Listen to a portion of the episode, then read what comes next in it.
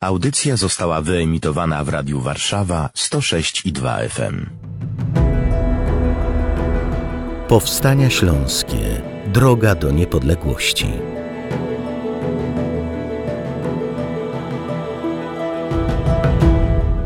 Stulecie Powstań Śląskich, Marcin Bąk oraz mój i Państwa gość, dr Krzysztof Jabłonka. Witam serdecznie. Witam Cię również, Marcinie, witam również słuchaczy.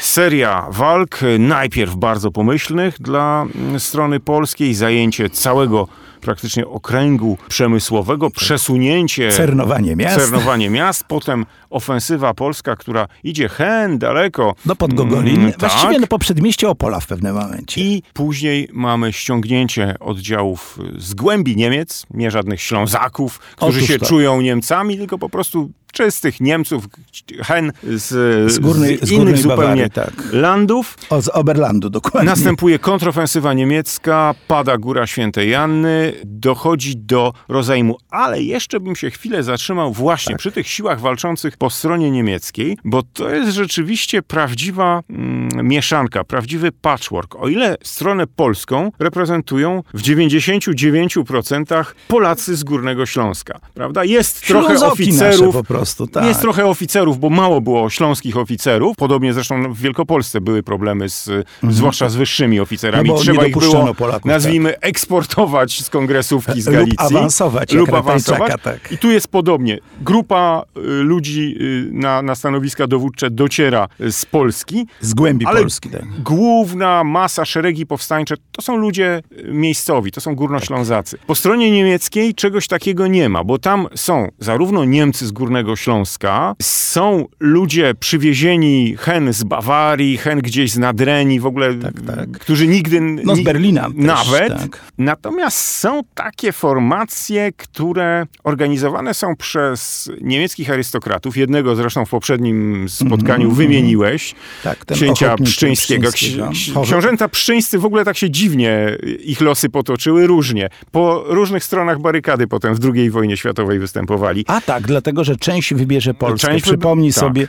Ja nie wiem, w którym miejscu oni przestali być piastami, no ale to przez jakieś orzenki, Hochbergowie. W każdym razie y, są formacje organizowane właśnie przez szlachtę śląską, takich korpusów śląskich. Oni się określają jako, tak, to są- jako to są- Ślązacy, ale walczący po stronie niemieckiej. Nie, nie, jako Dolno, to jest kompania dolnośląska Mhm. dokładnie, która z Wrocławia wydefilowała, składająca się z studentów. Tylko pamiętajmy, studenci nie wszyscy byli ze Śląska, a jeżeli to z dalekiego Śląska.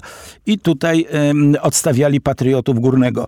E, W samym e, pruskim Śląsku był podział bardzo wyraźny na dolny i górny. Co innego było. Górny był przede wszystkim katolicki. I e, strona polska nie miała wątpliwości, nie miała problemu z jednorodnością. Natomiast Niemcy byli rozbici na protestanckich Niemców i katolickich Niemców. I oni się bardzo nie lubili. I ci katolicy Niemcy właśnie no, walczyli, jakby to powiedzieć, wszystko jedno czyj, oby jeden Śląsk. Trochę takie mentalność. I powstał ruch w, właśnie w trakcie tej walki e, tak zwanego Ślązakostwa. Tutaj trzeba o nim wspomnieć, ponieważ niejaki Franciszek Mernik e, zaproponował suwerenne państwo śląskie, które miało się i zaw- zawiązał, czy też utworzył związek e, dawnych e, powstańców na rzecz górnośląskiej niepodległości. E, To był wariant e, bynajmniej nie odpowiadający dzisiejszym tam działaniom, e, który miał inny sposób wyrwać Niemcom większą część Śląska. A właściwie cały Mittelschlesien, czyli środkowy Śląsk, który kiedyś był Górnym Śląskiem i stworzyć z niego takie, no, takie Luksemburg, takie pośrednie państwo, to się mogło udać, wbrew pozorom, acz ani Polska, ani Niemcy nie były zainteresowane tym wariantem. No, Chyba- Niemcy chyba, z, z powodów zupełnie oczywistych, natomiast dlaczego nie była Polska zainteresowana? Bo chodziło o to, żeby te huty były w Polsce, a nie w jakimś Mhm. Luksemburgu e, polsko-śląskojęzycznym. E, Trochę się A obawiano... nie dałoby się potem całości wchłonąć? Mama, jakby się nie dało, to co by było? No, Luksemburg nie chciał do Niemców, choć mówi językiem bardzo podobnym. E, To samo tu. No, Śląsk mógł być rzeczywiście ekonomicznie odrębny, bo by się utrzymał z tego. Problem tylko, czy by się utrzymał pomiędzy tymi Politycznie. potęgami, tak, i czy Niemcy by mu nie podstawili nogi, tam nie, wystarczyło, że nie dać żywności, no i już by się był problem.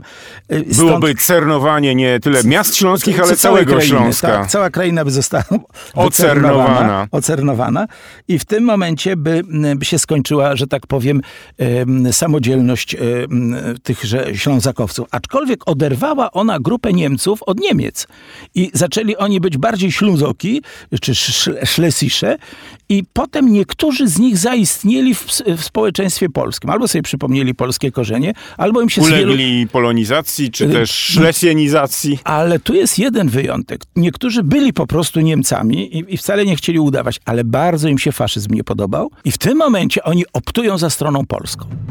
Zadanie publiczne jest współfinansowane ze środków otrzymanych od ministra obrony narodowej.